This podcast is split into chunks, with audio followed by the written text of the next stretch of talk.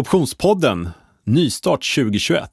Det är avsnitt 28, men det är ju förstås avsnitt 1 år 2021. Det var ett tag sedan vi var i eten, men nu är vi tillbaka. Vi sitter på Smile Studios och är mycket väl omhändertagna. Professionellt upplägg.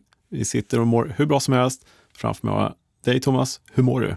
Jättebra tack, jag kan bara instämma i det. En superfin studio Yes. som sitter i. Och eh, jätteroligt att vi är tillbaka. Så efterfrågan har varit hög. Optionspodden ska leverera en hel del goda strategier och vad vi har för nytta av dem, analyser av marknaden och sen kommer vi ha massvis med spännande gäster också här framöver. Precis. Mm, Ska vi köra igång? det gör vi. Ja, då gör vi det.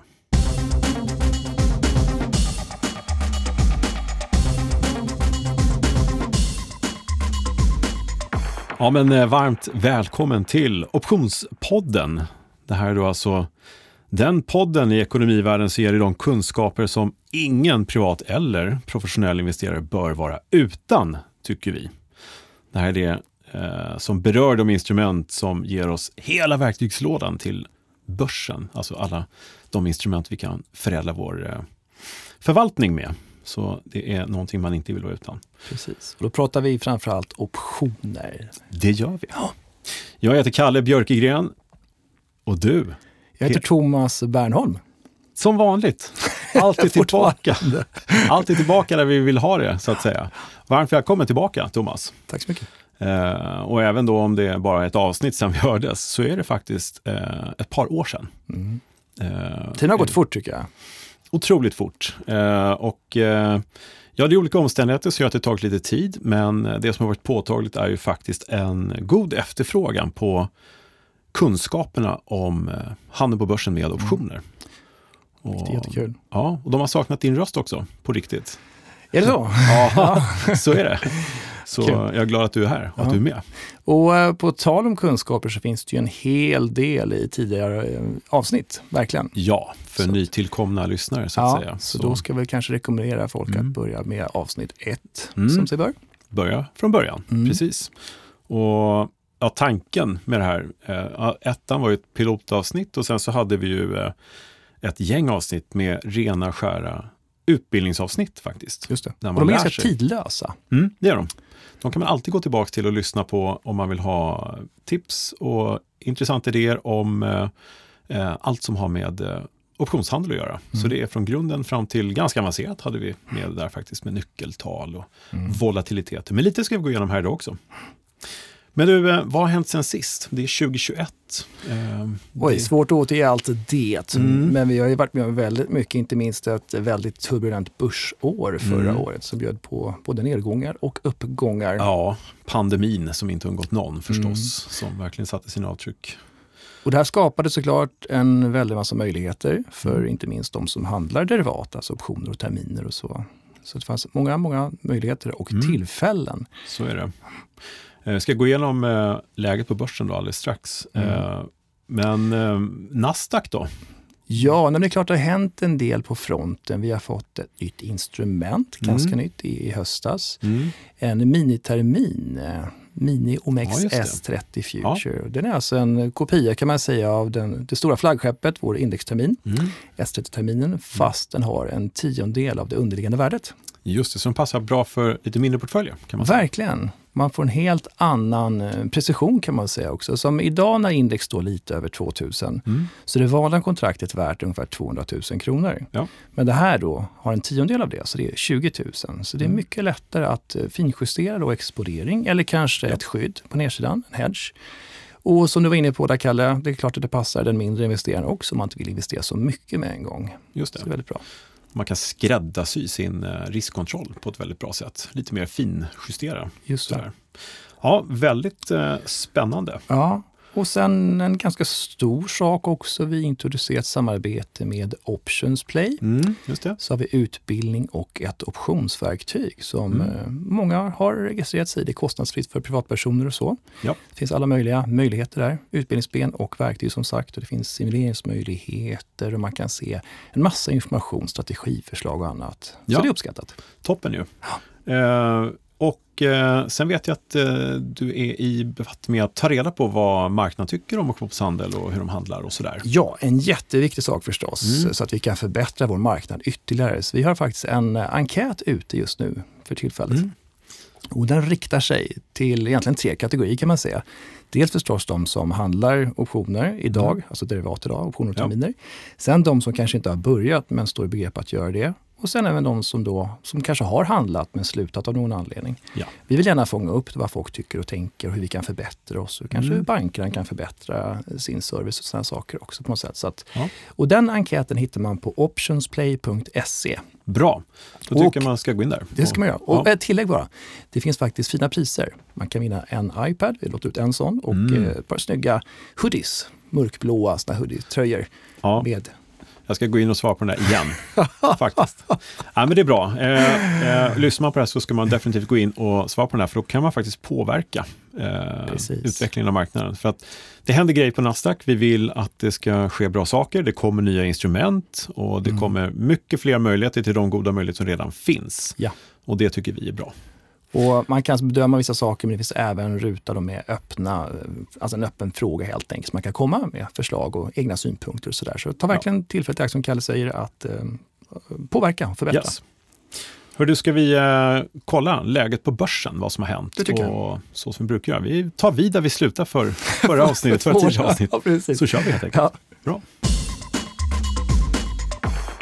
Ja, men läget på börsen, Thomas. Eh, nu har vi pratat om läget på börsen fysiskt, Nasdaq. Just det. Vad kallar man läget på den elektroniska börs- börsen? Elektronisk kanske. Yeah. Vad som har hänt i aktiemarknaden, så får vi säga. Mm. Ja, alltså just nu, eh, vi brukar säga att vi ska ha ganska tidslösa avsnitt, men just här och nu i, eh, nu i början på 2021 i februari så är det en urstark aktiemarknad. Verkligen. Vi har sett ett eh, OMX-index över 2000 punkter för första gången stänga. Och eh, jag kan ju bara nämna det, en liten kort anekdot där. Jag fick eh, lite, eh, ja, jag blev lite utskälld här. Blir du utskälld? ja, därför att det är Ja. mitt fel att börsen inte står 300% högre upp faktiskt. Oj då. Ja, 1997 var jag faktiskt med att eh, ta initiativet till att eh, splitta index faktiskt. Det är inte många som känner till. Så. OMX-index splittades eh, fyra mot en där.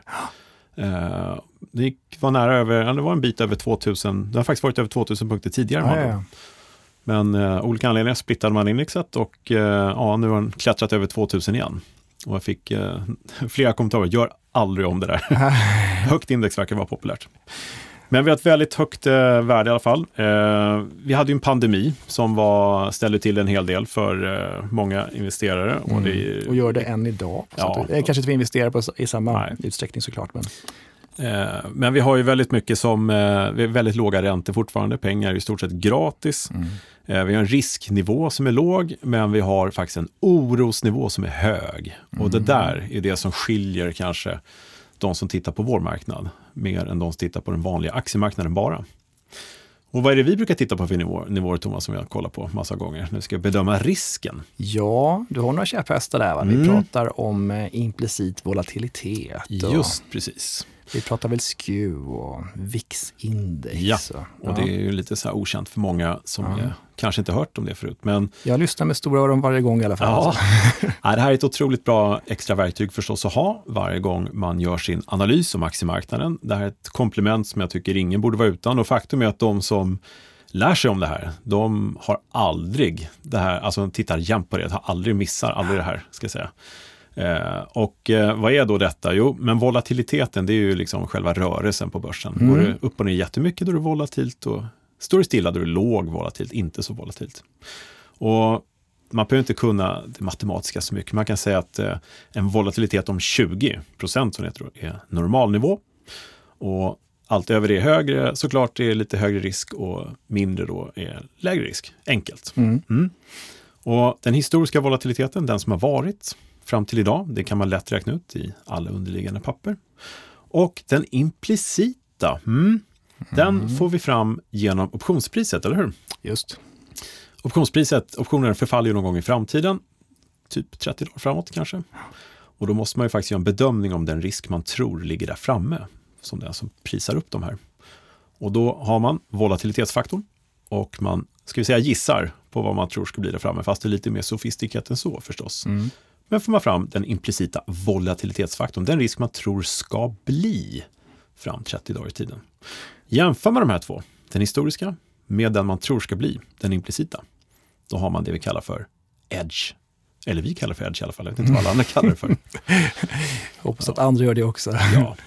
Men eh, för de som inte känner till det här då, då eh, har det varit 20 historiskt och så, så ser man då i marknaden att det är 25 plötsligt som marknaden har prisat upp det till. Ja, men då föreligger en liten högre risk mm. enligt marknadens bedömning. Då. Och det kan vara bra att ta med sig. Det har en edge på 5% i det fallet. Mm, precis. Kan man utveckla jättemycket, men det ska vi inte göra just nu, utan det räcker så. Och eh, till början i alla fall. Och då har vi då VIX-index som ägs av Chicago-börsen som är väldigt bra att se, även om det är i USA så styr det oss väldigt mycket också. Och där har vi ett index som ligger just nu på 21 och det har legat kring ja men 2025 ska jag säga, sista halvåret kanske. Och det är ganska låg risk ändå. Det är normalrisk. Eh, jämför det då precis under coronakraschen där gick rätt ner. Mm. Då var det här VIX-indexet på, ja det printade som det heter över dagen, över 100. Och om man jämför det tillsammans med finanskrisen då, 2008, då hade vi också väldigt, väldigt hög risknivå. Eh, där VIX-index, alltså den här implicita volatiliteten, helt enkelt priset på en försäkring på din aktieportfölj var absolut skyhög. Eh, men corona slog de rekorden. Så i mars förra året, mars där, april, så var det jätte, jättehög risk. Mm. Det betyder att alla optioner var ju superduperdyra. Exakt, och för den som inte ännu är förtrogen med det här begreppet så kan man säga att det är volatilitet, eller implicit volatilitet i synnerhet, mm. påverkar verkligen optionspriserna. Så att är den här nivån väldigt hög så alltså blir det ett väldigt stort utslag i optionspriserna. Mm. Just det. det där kan man då spekulera lite grann i eller i alla fall ha stor fördel av att känna till när man etablerar sin position och så. Just det. Och just nu så är det alltså en väldigt låg risk i marknaden och det brukar ju vara ganska förenligt då när börsen är väldigt hög, allting är positivt, ser bra ut och so far so good. Men då har vi då nästa lilla index som vi brukar titta på som heter SKEW-index. Mm. Skevhet. Skevhetsindex och det är ju väldigt skevt, eller hur? och då brukar eh, matematikerna eh, bli glada, men alla som inte gillar matte, vad är det här för någonting? Men den goda nyheten, man behöver inte kunna någonting om matematik för att titta på det här indexet. Eh, Eftersom den stora eh, risken är ju nedsidan på börsen. Alla är rädda för kraschen, för då förlorar man pengar. Och eftersom även professionella förvaltare är rädda för den stora kraschen, så tittar de ofta på att köpa billiga försäkringsoptioner. Det vill säga rätten att sälja index, fast kanske 30% längre ner. Mm. Och rätten att sälja där nere, när man kan sälja på dagens nivåer, eller 30 högre upp typ. Eh, det, vad ska man med det till? Fördelen är att det är väldigt billigt med sådana optioner. Kostar bara någon krona eller något öre. kan man köpa väldigt många. Och om det nu går ner börsen väldigt mycket och genom de här lösenpriserna där nere där man köper, ja då blir ju de, ska vi säga nu, dagens nivå, de blir ju at the money som vi kallar dem mm. och stiger i värde med en jättestor hävstångseffekt och det blir dubbelt upp så att säga. Mm. Bra skydd och det ger tillbaka en del i värde. Eh, having said that, vad eh, har man för följd av det? Precis. Nej, men det, då är det många som vill ha dem där. Just mm. att köpa ett skydd, kraschputtar ja. som man säger, liksom, just om det skulle inträffa en krasch. Mm. Och då blir det en viss eh, ska säga, efterfrågan och då stiger priserna. Ja, de blir relativt sett dyrare där nere. Mm. Och man ska inte göra det så mycket mer komplicerat än så här. Vi har nämligen ett index som indikerar på hur mycket dyrare de blir. Och ju dyrare det blir där nere, det indikerar ju större efterfrågan. Det vill säga större oro för folk som är oroliga. De tenderar att skydda sig mer i sina portföljer, åtminstone den professionella sidan. Och då kan vi kolla på det här SKEW-index, mm. hur mycket dyrare det har blivit. Och utan att då gå in, man kan ju, ska säga, gå tillbaka på tidigare avsnitt och lyssna mer om det här. För att jag kan ju tänka mig att de som är nya in i det här blir, vad fan pratar de om? Ja, exakt. Det kan låta men, lite märkligt. Ja, men kolla på SKEW-index så är en normal nivå 120 där det kommer alltid vara lite dyrare där nere. Är det lika eh, samma pris på optionerna rätt igenom, både at the money, uppsida och nedsida, då är indexet lika med 100. Men om det är normalläge, då är det 120. Det är alltid lite dyrare där nere. Just nu står SKEW-index i 138. Mm. Är det närmare 140, då är det stark oro. Mm. Och nästan till självuppfyllande att det kommer bli en korrigering i aktiemarknaden. Och det här har varit upp till 145-150 närmaste, ska jag säga, ja, men sen november, december kanske. Och varit väldigt stor efterfrågan på de här nedsidesskydden. Så kort och gott, det är väldigt oroligt i aktiemarknaden eh, om man tittar till den här eh, handeln liksom, av försäkringar. Det. Och det är, så ser det ut just nu. Mm. Låg risk men mycket hög oro. Så det är den sammantagna sammanställningen av Ja. risknivån. Och eh, vi har ju pratat, eller jag nämnde lite grann, eller vi nämnde lite grann rättare sagt, om kanske lite gäster och sånt som vi ska ha i podden och eh, förhoppningsvis Mm. kommer vi få höra lite mera konkreta exempel på hur professionella aktörer kan använda sig av det här också. Precis. Skriva till sin fördel. Mm. Jätteintressant, det finns väldigt många möjligheter. Så är det. Och man kan ju också då, som jag brukar publicera då på eh, bloggen och lite på sociala medier och sånt där, den här eh, Edge-rapporten som jag har, titta på alla OMX S30-bolag, de 30 största bolagen i omsättning och se vilken eh, edge, alltså skillnaden mellan den historiska och den här implicita volatiliteten som föreligger i alla de här papperna. Kan man se dem en och en här då. Jättebra. Mm. Och du publicerar alltså på optionsbloggen.se. Mm, bland annat Ja. är tanken och i sociala medier och sen så har jag ju även då i mina utbildningskanaler, brukar de vara.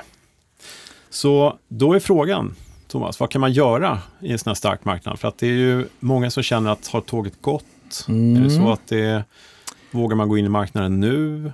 Ja, är det precis. så att man ska vänta lite? Eller? Exakt. Nej men, eh, vad ska man säga, osvuret är väl bäst, jag ska inte uttala om det kanske så, men någonting som man kan titta lite grann på, det är ju en strategi med eh, begränsad risk, att man ändå kan få vara med på tåget om det fortsätter uppåt. Just det. Och sånt är lite spännande, för att hur den må vara, så jag menar, vi är på all time high-nivåer, det är klart att det blir en sättning så kan det ju ramla ner ganska kvickt och sådär. Så Mm. att man kanske inte vill ligga fullinvesterad riktigt, vad vet jag, det där är ju en smaksak och som Mm. sagt inget råd på något sätt. Men det finns ju en strategi som du tog upp här också innan vi satte oss och det är ju en eh, kolspread, positiv prisspread, Mm, just det. som kanske kan vara någonting. Mm. Ska vi eh, kolla lite vad den kan göra för oss? För att det här är ju liksom dagens tips lite grann för den Ja. som är orolig för en ja, men korrigering neråt men fortfarande vill rida på så Mm. länge som möjligt så att säga på trenden uppåt. Och nu hoppar vi in på en strategi, vilket är en strategi som man kanske inte börjar med när man handlar optioner direkt. Så här. Men som sagt, den finns i tidigare avsnitt, egentligen Mm. bara kika på det. Ja, ja vi har ju den i eh, mer fokus i de första avsnitten. Skulle säga att det är eh, avsnitt fem tror jag, kolspread och putspread. Ah, ja. Mm. Så Men nu kommer till sin rätt, eh, tycker jag lite grann. Ska vi kolla närmare på den? Eller Ja, lyssna närmare på den? Ja. ja, då gör vi det.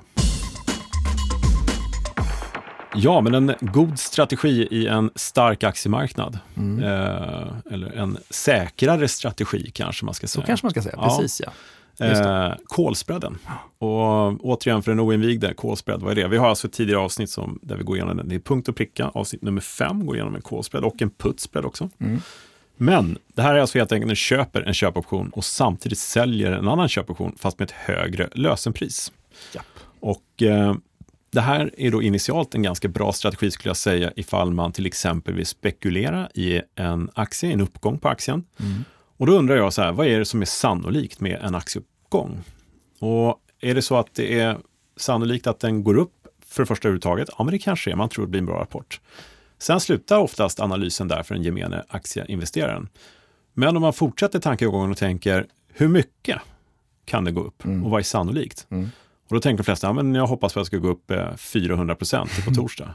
Är det sannolikt? Nej, det är faktiskt inte det. Eh, om det går upp eh, 3-5 procent de närmaste två veckorna, om det är en bra rapport, är det sannolikt? Ja, men det är faktiskt rätt rimligt Mm. att tro det. Här kommer kolspreaden in till sin absoluta rätt. Liksom. För köper vi bara en kol, då säger att vi betalar 5 kronor för den. Mm. En aktie så står det 100 kronor, rätten att köpa aktien till 100, just 100 kronor, at the money. Den kostar 5 kronor. Det är bra, för då om aktien går upp de här 400 procenten, då är det jättebra. Ja, Det är bra, eller hur? bra. Mm, om den sannolikheten anses vara hög. Ja. Men om vi då tänker oss att vi samtidigt säljer den här köpoptionen, en likadan köpoption, fast till någon annan, fast med lösenpriset 105. Då har vi alltså tagit på oss rätten att köpa till 100, men samtidigt skyldigheten att sälja till 105. Exakt. Så vi tjänar bara från 100 till 105. Fördelen är att vi betalar ju kanske 5 kronor för den här 100 köpoptionen, Mm. men vi får in 250 kanske för den vi säljer på 105-nivån. Precis. Så vi har betalat netto 250 för en kolspread som då är rätten att köpa till 100 med skyldighet eventuellt att sälja till 105. Får vi rätt i vår marknadstro, den här sannolika, att aktien går upp 3, 4, 5, 6 procent, åtminstone över 105, det är 5 procent. Mm. ja, då får vi maximal utdelning. Och vi kommer att köpa på 100 och vi kommer samtidigt behöva sälja till 105, så vi har 5 kronors vinst. Och det kan ju tyckas är lite lite, men det är inte så vi ska tänka, utan vi har ju betalat 2,50 för det här netto, eller hur? 2,50 netto och glöm inte då multiplikatorn, det kommer jag tjata om tills den dag jag inte kan tjata längre. Så alla optioner är rätten att handla 100 underliggande aktier, eller hur? Så att all premium måste du ta gånger 100, för det är vad som verkligen försvinner från kontot. Så 250 är faktiskt 250 kronor för en callspread underliggande 100 aktier. Men om vi har betalat 250 och får tillbaks liksom 5 kronor i det hela, mm. hur mycket har vi tjänat då i procent? Ja, det är det som är intressant ja. med de där 100 procenten. Ja, så är det ju. Ja. Så 250, vi får tillbaka 5, vi får alltså 250 extra. Så det är 100% avkastning. Verkligen. Och det fina här är också att du sänker din break-even. Jag menar, om vi jämför att du bara har köpt en köpoption, vilket kanske många tänker då intuitivt att det är det man vill göra då, för att man tror mm. på en uppgång. Köper den för 5 kronor på 100 nivån så blir faktiskt din break-even på slutdagen då eh, 105 kronor. Här betalar du bara 2,50 så då är break-even på 102,50 och din 100-procentiga eh, vinst uppstår ju redan då vid, vid 105. Just precis. Och det fina är om det nu går fel, för att det här är ju en strategi i en stark aktiemarknad som vi tycker är ganska säker, eller säkrare. Vad menar vi med det? Jo, de här 250 eller 250 kronorna, det är det enda du kan förlora. Mm. Om det nu mot förmodan är så att du lyckas pricka nedgången med den här under den här löptiden, ja, och det går ner, ja, det enda du förlorar då är den premie du betalat, ingenting mer. Och det är ju då en, vad vi kallar för en full riskkontroll. Det är en maxförlust vi kan drabbas av, men inte mer. Och det är ju ganska bekvämt. Du sover bättre på natten när du vet om att det finns liksom en gräns på vad du kan förlora. Ja, och en väldigt fin förtjänstmöjlighet vid en liten uppgång måste man ändå säga. Aktien går ja. upp då alltså 5 eller Sannolik uppgång faktiskt, ifall det är den här trenden vi har nu. Mm. Urstark trend, kommer in bra rapporter och så vidare. Exakt. Och det är klart, tror man att aktien ska upp till 115 kronor på kort tid, då är mm. inte det här strategin för dig. Utan då är det så att du kanske hellre ska köpa en köpoption. Ja. Men tror man på en begränsad uppgång och man vill begränsa sin insats så är den ypperlig. Yes. Verkligen.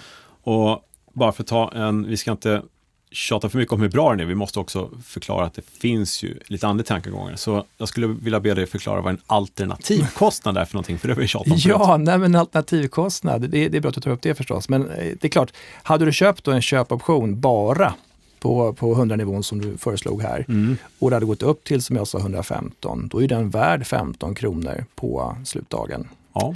Eh, och då har du 200 upp. Va? Du har ju betalat 5 eh, kronor och den är värd 15. Yes. Så det är klart, eh, alternativkostnad, du har en möjlighet att tjäna bättre på annat håll. Mm. Du kan inte förlora pengar på kodspelen på det här sättet, om det går upp vill säga. Nej. Men det fanns kanske bättre alternativ. Så det är så man ska se det. Så att det gäller att tänka till lite grann som sagt. Var, mm. var tror jag att den kommer landa någonstans och hur mycket vill jag investera? Och tror man att det ska landa på kanske 105, vilket vi tänker i det här fallet då med kolspreaden, mm. så kanske det är så att istället för att köpa den här köpoptionen på, för 5 kronor så kanske man köper dubbelt så många eh, kolspreadar. Så att du betalar totalt 5 kronor, ja. för, i och med att du köper dubbelt så många. Men du, du har alltså du har en bra vinst på, på 105 kronor redan. Mm. Sådär. Ja, så att, eh, Men eh, just det, negativa saker står också. Jag tänkte på en annan sak. Det är klart också, den här, eh, en sån här, när du har köpt en och sålt den, så det är lite mer såklart handelskostnader måste man säga. Eh, clearingavgift och eh, courtage och sådana saker. Det kanske är försumbart, men ändå.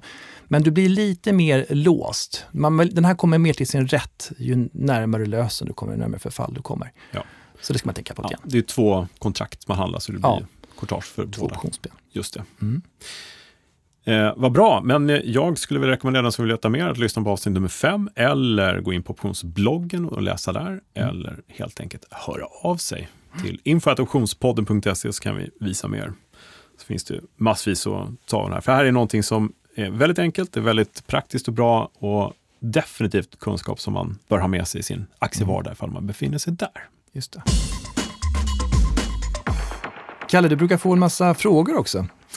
Du, det kan man lugnt säga att jag får. Och eh, det kommer faktiskt fortfarande frågor till podden, även om vi inte varit igång på ett tag. Eh, sådär. Och eh, mm. det kommer frågor från alla håll och kanter. Eh, förstås. Det finns ett stort intresse och det finns ett stort, eh, en stor kunskapstörst, skulle jag vilja säga. Roligt. Så vi kan ta några stycken bara som är ganska vanligt återkommande frågor.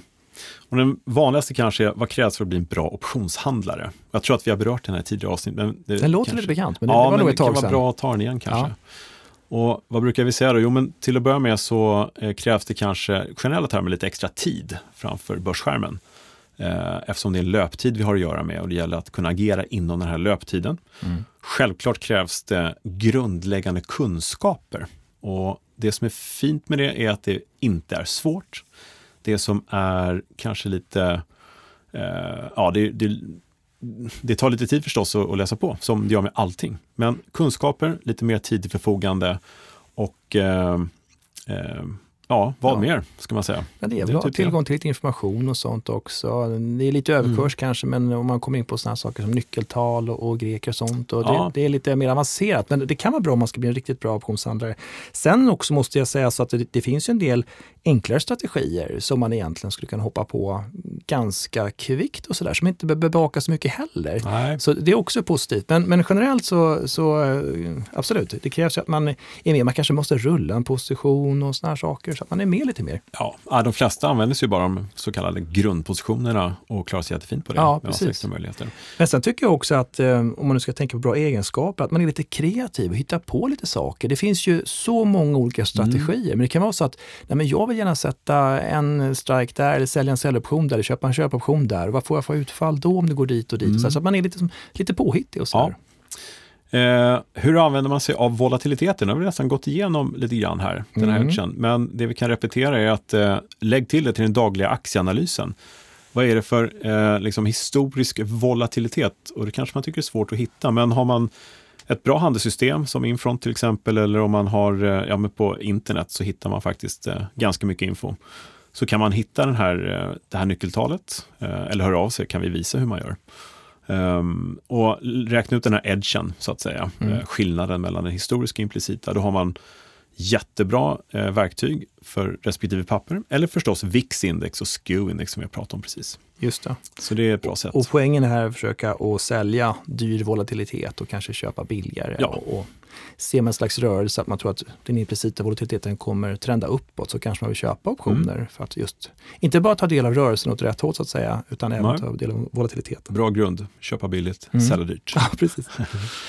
Och sen, eh, eh, hur bedömer man om option är billig eller dyr? Och det hänger med ihop där med samma tema.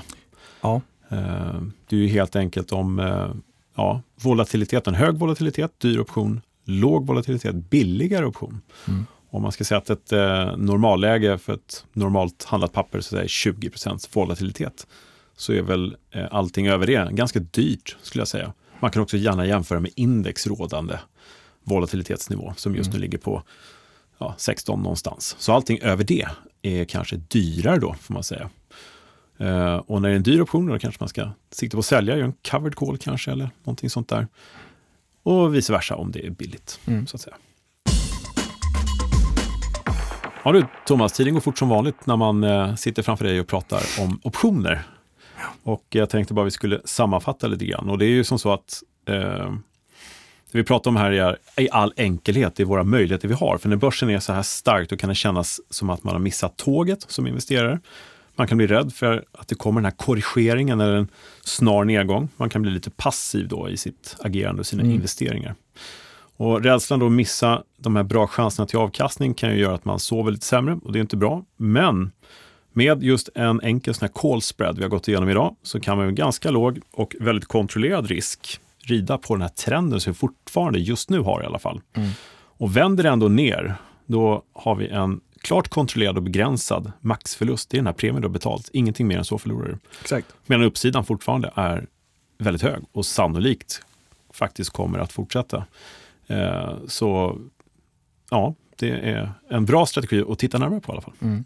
Och där kan man välja lösenpris också efter vilken marknadstro man har. Om man tror att det kommer ligga ganska still, då, då kanske man sänker lösenivån lite grann och tror man att det kommer röra sig lite mer uppåt så kan man höja dem lite grann. Precis. Och då betalar man mindre men eh, ja, man har större uppsida om det rör sig åt rätt håll. Ja. Och du, alltid som eh, avslutning också, vad brukar vi ha då? Ett ordspråk. Just det. Just Ska vi ta dagens? Och det här är någonting som är betänksamt då. Och det är på engelska, är du med?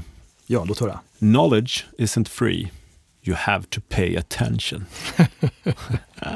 så är det. Man måste lyssna ordentligt. Yes. Okänd uh, författare till den. Ja. Gick inte att hitta riktigt. Nej, den är bra. Men eh, eh, då så, vi ska avrunda. Vi ska säga att vi, vi kommer ju såklart tillbaka. Det här var inte ett engångsavsnitt, utan vi kommer tillbaka igen. Just det. Och vi kommer med spännande gäster i tanken, eller hur? Precis. Och fler teman. Vi kommer eh, titta mer på hur börsen mår i eh, risktermer Mm. och vi kommer ha eh, ja, men, dagens tips jag på, säga, på goda och säkra strategier sådär, som Ja. man kan göra. Och sen så var du inne på också frågor till podden. Just Där det. försöker vi ta upp. Optionspodden.se Ja, och det kan kan, ställa frågor. även röra så önskemål. Man kanske vill ha en viss inriktning Mm. på, en, på en gäst. Ja, just det. Så kan vi försöka få tag på någon sådan. Warren Buffett. det ordnar vi. Ja, inga problem. Uh, man kan gå in på optionspodden.se och lyssna på tidigare avsnitt. Det finns även i, där man lyssnar på det här avsnittet, kanske i iTunes eller Acast eller vad man nu är. Mm. Uh, optionsbloggen.se finns det väldigt mycket artiklar. Jag finns på Twitter, att se Björkegren eh, och på Facebook, en Spiri Academy. Just det. Och sen så vill man lära sig mer optioner, det finns faktiskt en gratiskurs som jag har skapat och det är inga konstigheter egentligen. Helt gratis, inga som helst eh, skyldigheter eller någonting, men det är bara att gå in på optionskurs.nu så får du en gratis kurs. Fem dagar tar det. Och du gör den helt i din egen takt och du får behålla materialet resten av livet. Inga konstigheter. Bara för att vi ska lära ut så bra som möjligt. Spännande. Och jag får också passa på att påminna om den enkäten som vi nämnde på optionsplay.se. Se till, ta tillfället i akt och svara på den. Ja, och vara med och påverka, eller hur? Mm. Det är det vi snackar om. Precis. Då vill jag bara nämna ett eh, varmt härligt tack till framförallt Smile Studios för att vi får vara här och spela in deras, deras podd, blir det våran podd. Eh, Väl omhändertagna idag. ja, det får man lugnt Sitter i en säga. riktigt fin studio. Ja, så ja, håll utkik efter nä- nästa avsnitt. Så håll utkik efter dig så inte du smiter, så du kommer hit nästa gång också Thomas. Det låter bra. Ja, stort tack för idag. Tack. Ha det. Hej.